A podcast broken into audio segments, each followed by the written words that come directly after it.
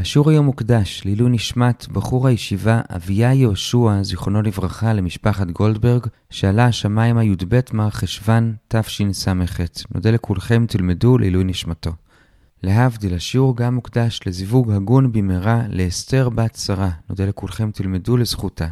ולהבדיל, השיעור מוקדש בעזרת השם לרפואה שלמה ומהירה להודיה בת שילת, ילדה בת שלוש עם המחלה. נודה לכולכם אם תלמדו לרפואתה. שלום לכולם, אנחנו לומדים את דף י"ב במסכת נדרים, נתחיל שמונה שורות לפני סוף העמוד הקודם, ונסיים בשליש העליון של הדף הבא. השיעור היום יהיה 18 דקות.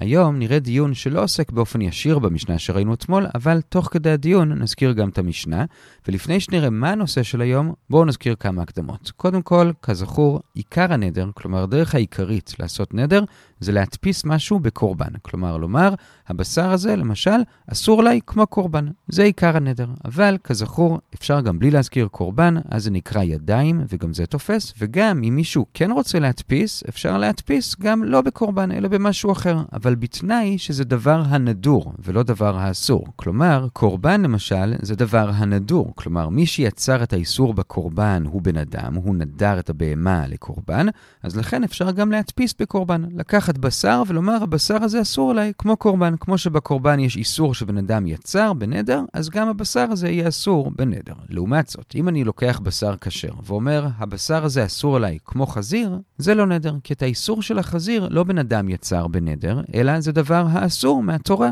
ובזה אי אפשר להדפיס. עד כאן התזכורות, עכשיו לנושא שלנו. באי רמי בר חמא, שואל רמי בר חמא, מה אם אני לוקח בשר ומדפיס אותו בקורבן, כלומר הבשר הזה יהיה כמו קורבן, אבל באיזה קורבן הדפסתי? בקורבן שלמים שכבר מותר באכילה, כי כבר זרקו את הדם שלו, הקריבו את ההימורים שלו, הוא מותר כרגע באכילה, ואני מדפיס בו בשר. האם הבשר הזה ייאסר או לא? עכשיו, אומרת הגמרא, אם ממש אמרתי, הבשר הזה הוא כמו קורבן שלמים שזרקו את הדם שלו והוא מותר, אז ודאי שהבשר מותר. הדפסתי אותו בדבר מותר, זה ברור. אלא מה השאלה כאן? השאלה היא שלא אמרתי כל כך במפורש, אלא מה שקרה זה שיש לפניי כרגע בשר שלמים מותר, ויש לפניי עוד חתיכת בשר סתם, ואמרתי, אמרתי, זה כמו זה. כלומר, הבשר הסתם יהיה כמו הבשר הזה. הצבעתי על בשר השלמים. ועכשיו השאלה היא, למה התכוונתי? האם התכוונתי שהוא יהיה כמוהו כמו שהוא עכשיו, וכיוון שכרגע השלמים הזה מותרים, אז גם הבשר שעליו אני מדבר יהיה מותר, ואין כאן נדר? או שהתכוונתי לא להדפיס את הבשר במה שהשלמים הם כרגע, אלא התכוונתי לעיקר הדבר, לעיקר השלמים. כלומר, נכון שכרגע השלמים האלו כרגע באופן ספציפי מותרים, אבל לא התכוונתי שהבשר שאני רוצה לנדור עליו יהיה כמוהם בדיוק כרגע, אלא התכוונתי שהוא יהיה כמוהם מבחינה עקרונית, שכמו שהם באופן כללי שלמים והם היו מקודם אסורים, אז גם הבשר הזה יהיה אסור, כמו עיקר השלמים. זו השאלה של רמי בר חמא, האם כשאני אומר זה כמו זה, אני מתכוון לאיכשהו כרגע עכשיו, או לעיקר הדבר ואז במקרה הזה של השלמים זה יהיה אסור. עד כאן השאלה, וזו השאלה שתלווה אותנו לאורך כל השיעור, ואת הדיון לגביה נחלק לשני שלבים. שלב ראשון, ננסה להביא שלוש ראיות לזה שבאמת כן מניחים שהוא התכוון לעיקר הדבר, ואת כל שלוש הראיות נדחה, וזה ייקח אותנו כמעט עד סוף עמוד ב', ואז שלב שני, בסוף עמוד ב' נאמר, אולי זה מחלוקת תנאים, אבל גם את זה נדחה, ובעצם נשאר כאן בלי תשובה. אז בואו נתחיל. אז שלב ראשון כאמור, הראיות. הראיה הראשונה היא מהמשנה שלנו, לכן הסוגיה הובאה כאן. המקרה השני במשנה זה שאדם מדפיס בקורבן, אבל לא בסתם קורבן, אלא בקורבן פסול, כלומר קורבן טמא, נותר או פיגול, ואומרת המשנה שזה עדיין תופס וזה אסור. עכשיו, למה שזה לא יתפוס? מה החידוש? אז נקדים טיפת המאוחר, בסוף הדיון על הראייה הזאת, אומרת הגמרא, יש כאן חידוש, כי כאמור אפשר רק לנדור בדבר הנדור, אז סתם קורבן הוא באמת דבר הנדור. מה שאוסר אותו עליי זה זה שמישהו נדר אותו להיות קורבן, אבל עכשיו שהוא גם פסול, אז יצטרף אליו עוד איסור, והאיסור הנוסף הזה הוא כבר לא דבר הנדור. כלומר, זה שקורבן טמא או פיגול הוא אסור, זה כבר התורה קבעה, זה לא הבן אדם קבע. אז יש פה בעצם שני איסורים, אחד נדור ואחד לא, ובכל זאת מחדשת המשנה שגם כשאני מדפיס בקורבן פסול כזה, בכל זאת זה תופס. כי ההנחה היא שהתכוונתי לעצם האיסור של הקורבן, שהוא כן דבר הנדור. אז לגבי פיגול וטמא, זה מובן וגם מובן לנו מה החידוש. אבל מה לגבי כשאני מדפיס בנותר? נזכיר מה זה נותר, אז בואו נדבר על שלמים למשל. אחרי שהקדשתי קורבן לשלמים, אז בשלב הזה הקורבן הוא על כולם, אחרי זה שוחטים אותו, זורקים את הדם, מקריבים את ההימורים, ואז הבשר מותר, כלומר האיסור המקורי נעלם לגמרי, אבל הוא מותר רק באותו יום, לילה ועוד יום. אחרי זה, אם לא אכלו אותו, הוא נהיה נותר והוא נאסר. ועכשיו שימו לב להבדל בין זה לבין פיגול. בפיגול יש את האיסור המקורי שאדם נדר את אותו קורבן, זה דבר הנדור, וזה כל הזמן היה פה, הוא לא נעלם אף פעם, רק שבאיזשהו שלב הצטרף אליו גם איסור פיגול, שהוא דבר האסור, אבל כאמור האיסור המקורי, הדבר הנדור, לא נעלם, ואליו אדם מתכוון כשהוא מדפיס, ולכן זה תופס. לעומת זאת, כאן בנותר של שלמים, האיסור המקורי של הקורבן הוא כבר נעלם לגמרי, הרי הבשר כבר הותר באכילה, וזה שעכשיו הוא פתאום עוד פעם נאסר בגלל איסור נותר, זה לא מצטרף לאיסור המקורי, והוא דבר האסור ולא הנדור, כי הרי התורה היא זאת שאסרה נותר, לא האדם, וממילא איך אפשר להדפיס בו? אלא איך בכל זאת כן אפשר להבין את זה? לכאורה, רק אם נבין שכשהבן אדם הדפיס באותו נותר, הוא לא התכוון לנותר איכשהו כרגע עכשיו, אלא הוא התכוון לעיקר הקורבן, איך שהוא היה עוד לפני שזרקו את הדם שלו, כשהוא עוד היה קורבן שאסור מצד זה שהוא דבר הנדור. והנה, זה מה שהיינו צריכים להוכיח. כלומר, מצאנו ראייה מהמשנה שכשאדם נודר ומדפיס במשהו, הוא לא מתכוון לאיכשהו כרגע עכשיו, אלא לעיקר הדבר, איך שהוא היה בהתחלה. וממילא, גם בשאלה של רמי בר חמא, אם אדם הדפיס בשלמים, אפילו שכרגע הם כבר מותרים, הוא מתכוון לעיקר הדבר כשהם עוד היו אסורים. ועד כאן הראייה הראשונה שמתכוון לעיקר הדבר. אבל כאמור, הגמרא דוחה את זה, כי היא אומרת, רגע, מי אמר שמדובר פה בקורבן שלמים? אולי מדובר בקורבן עולה. בקורבן עולה לא אוכלים את הבשר, אלא את כל הבשר צריך להקריב אל המזבח, וממילא כשאנחנו מדברים על איסור נותר בקורבן עולה, הכוונה היא לא לבשר שאוכלים, כי כאמור אין בשר שאוכלים, אלא לבשר שאותו מקריבים, ולגבי הבשר הזה, אומנם מצטרף אליו עוד איסור של נותר, שזה באמת לא דבר הנדור, אלא דבר האסור, אבל האיסור המקורי של הקורבן, שהוא כן דבר הנדור, הוא נשאר עליו ומעולם לא עזב אותו, כי הרי זה כאמור קורבן עולה, אין שום שלב שהוא מותר באכילה. ולכן מי שמדפיס בו, אז באמת הנדר חל, ועל זה דיברה המשנה, ואין מכאן ראיה להאם הוא התכוון לעכשיו או לעיקר, כי העיקר ועכשיו נשאר במקרה הזה אותו דבר, לא השתנה, ולכן ברור שזה אסור. זה התירוץ שמדובר בנותר של עולה, וכאן הגמרא שואלת את מה שבעצם כבר הקדמנו מקודם, אם דובר בנותר של עולה ובעצם האיסור המקורי כל הזמן היה כאן, אז למה צריך לדבר על נותר? פשוט בואו נדבר על קורבן עולה וזהו, מה הנותר מוסיף כאן? ועונה הגמרא, מה שכבר אמרנו כאמור, שיש כאן חידוש שלמרות שיש כאן עוד איסור אכילה שהוא לא נדור אלא אסור, בכל זאת, כיוון שיש גם את הנדור, לזה הוא התכוון וזה אסור. עד כאן הראייה הראשונה והתחייה שלה.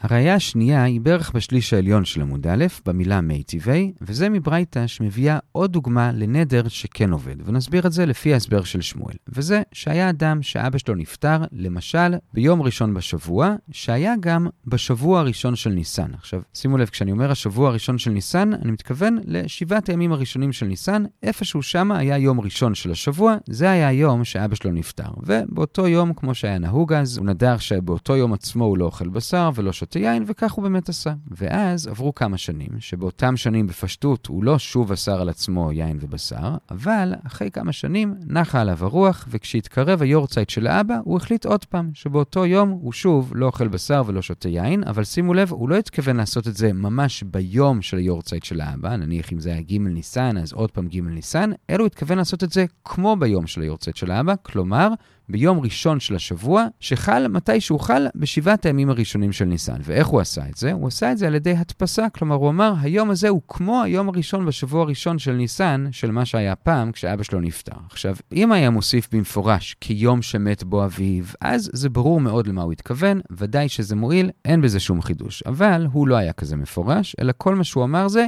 כיום ראשון בשבוע הראשון של ניסן, ובכל זאת מחדש את הברייתא שגם זה מועיל, כי ברור שהוא מתכוון להדפיס את היום הנוכחי באותו יום ראשון מר ונמהר מלפני כמה שנים, ולכן זה מועיל. עד כאן מה שכתוב בברייתא לכאורה, לפי שמואל, ועכשיו נשאלת השאלה, רגע, הרי מאותו יום ראשון שבו אבא שלו נפטר, ועד עכשיו עברו כבר כמה ימי ראשון בשבוע הראשון של ניסן, ובהם הוא לא אסר על עצמו, אז איך אתה יודע שהוא מתכוון לאותו יום ראשון מלפני כמה שנים שאבא שלו נפטר? אולי הוא מתכוון כמו יום ראשון שנה שעברה בתחילת ניסן, ששם לא היה כלום, אלא כנראה שאתה הולך לפי העיקר, כלומר לפי מה שהיה פעם, והנה מה שהיה צריך להוכיח, שאנחנו הולכים לפי העיקר, לפי מה שהיה פעם, ולא לפי מה שהיה עכשיו.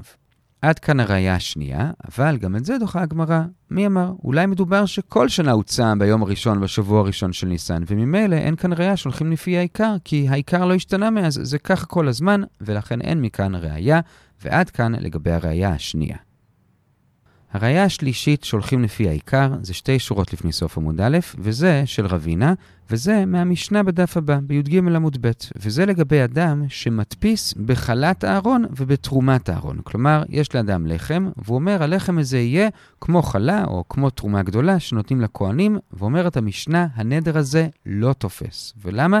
כי אמנם חלה ותרומה זה דברים אסורים, אבל הם לא דברים הנידרים, אלא דברים האסורים. כלומר, אמנם בן אדם מפריש אותם, אבל את האיסור שלהם התורה קבעה, לא הבן אדם. וכאמור, אי אפשר להדפיס בדבר האסור, אלא רק בדבר הנדור. עד כאן מה שכתוב שם במשנה. עכשיו ממשיכה הגמרא ומדייקת, בתרומת אהרון, כלומר תרומה גדולה של תבואה, אי אפשר להדפיס, אבל משמע שיש תרומה אחרת שבה כן אפשר להדפיס. באיזה תרומה אחרת אפשר להדפיס? אומרת הגמרא, לכאורה, הכוונה היא לתרומת לחמי תודה. כלומר, כשאדם מביא קורבן תודה, יחד עם הקורבן הוא צריך להביא גם 40 לחמים, יש ארבעה סוגים, עשרה מכל סוג, כשמכל עשרה כאלה הוא נותן אחד לכהן. אז סך הכל הוא נותן לכהן ארבע לחמים, אחד מכל סוג, והלחמים האלו הם כן דבר הנידר, כי הרי האדם הפריש אותם, ולכן בהם הוא יכול להדפיס, הוא יכול לקחת סתם איזה לחם או ספגטי, לא משנה, ולהגיד, זה יהיה כמו תרומת לחמי תודה, ואז זה יתפוס. זה מה שלכאורה מדויק. ואומרת הגמרא, לכאורה מכאן משמע גם כן שהולכים לפי העיקר. למה? כי בואו נתאר רגע את התהליך של הפרשת אותם חלות. בהתחלה האדם מקדיש גם את הקורבן וגם את הלחמים, ובשלב הזה הכל אסור, גם הקורבן, גם הלחמים, ובאמת בשלב הזה זה נקרא דבר הנידר. אחר כך שוחטים את הקורבן, זורקים את הדם וכולי, וזה מתיר את כל הלחמים לכהנים. לזרים זה עדיין אסור, אבל זה כבר איסור חדש, זה לא האיסור המקורי. אחר כך הוא נותן לכהן את הארבעה לחמים שלו, ואז זה מתיר את השאר לאכילה גם לזרים. עכשיו אומרת הגמרא, הרי רק מאותו רגע שהוא נותן לכהן את הלחמים שלו, אז זה נקרא תרומת לחמי תודה, אבל הרי בשלב הזה הלחמים האלו כבר מותרים, אמנם רק לכהן, לזרים הם אסורים, אבל זה כבר איסור אחר, אבל עקרונית הם מותרים, איך הוא יכול להדפיס בהם? אלא למה בכל זאת הוא יכול להדפיס בהם? כנראה שכשהוא נודר את זה, הוא מתכוון לא לאותם לחמים איך שהם עכשיו, שעכשיו הם באמת מותרים, אלא הוא מתכוון איך שהם היו בהתחלה. כלומר, הוא מתכוון לעיקר. אז הנה, מה שהיינו צריכים להוכיח, שהולכים לפי העיקר. זו הייתה הראייה השלישית. אבל כאמור, גם את הראייה הזאת הגמרא דוחה, והפעם יש לה שתי דחיות. תחייה אחת אומרת הגמרא, אתה צודק שצריך לדייק מהברייתא שיש איזושהי הדפסה בתרומה שכן עובדת, אבל מי אמר שזה דווקא תרומת לחמי תודה? אולי זו תרומה אחרת. איזה תרומה? תרומת הלשכה. כלומר, חצי השקלים שנמצאים בלשכה, שתורמים אותם פעם בשנה, מחצית השקל, זה באמת דבר הנדור, ובזה אפשר להדפיס. אבל להדפיס בתרומת לחמי תודה, זה לא. ולמה המשנה לא הזכירה את זה? היא הזכירה את זה. כלומר, זה כלול במה שהמשנה אמרה כתרומתו, זו תחייה ראשונה.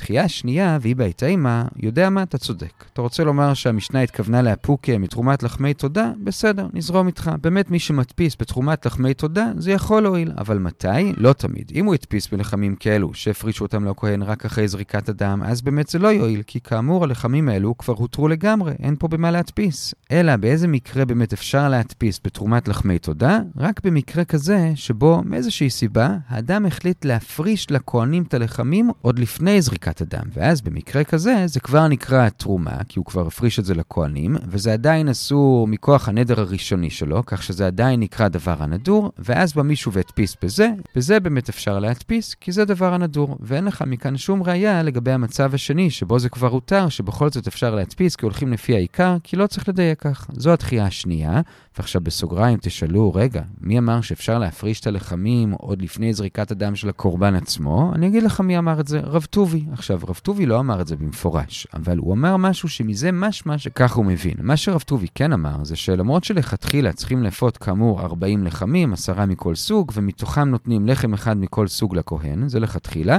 בדיעבד אפשר גם לעשות פשוט רק ארבעה לחמים גדולים, אחד מכל סוג. עכשיו תגידו, רגע, אבל איך הוא יפריש מזה לכהן? הרי הוא לא יכול לקחת פרוסה מלחם גדול, צריך לתת לכהן משהו שלם. אלא כנראה שלפי רב טובי, מתי הוא הפריש לכהן? הוא עשה את זה עוד לפני שהוא את אותם ארבעה לחמים, הוא לקח מהעיסה עשירית מכל סוג ונתן לכהן, ואז ממה שנשאר, תשע עשיריות מכל סוג, הוא עשה לחם אחד גדול מכל סוג. אז הנה מה אנחנו רואים? שכבר בעיסה אפשר להפריש לכהן עוד לפני האפייה ועוד לפני שחיטה וזריקת הדם, וזה מה שחיפשנו שאפשר להפריש לכהן עוד לפני, וכך האמנו את הדיוק מאותה משנה, וכאמור לכן אין מכאן ראייה למה שחיפשנו, ועד כאן לגבי הראייה השלישית, דחינו גם אותה, והגענו לחמש שורות לפני סוף עמוד ב', ועד כאן השלב הראשון, הבאנו שלוש ראיות שהוא מתכוון לעיקר, אבל דחינו את שלושתם. השלב השני זה חמש שורות לפני סוף עמוד ב', וזה שמציעה הגמרא לימה כתנאי. אולי זה בעצם מחלוקת תנאים. מה המחלוקת? לגבי אדם שמדפיס בקורבן בכור. כלומר, הוא אומר, הבשר הזה הוא כמו בכור, רבי יעקב אומר שהנדר חל, זה אוסר, רבי יהודה אומר שהנדר לא חל. עכשיו בואו רק נזכר רגע, מה זה אומר קורבן בכור?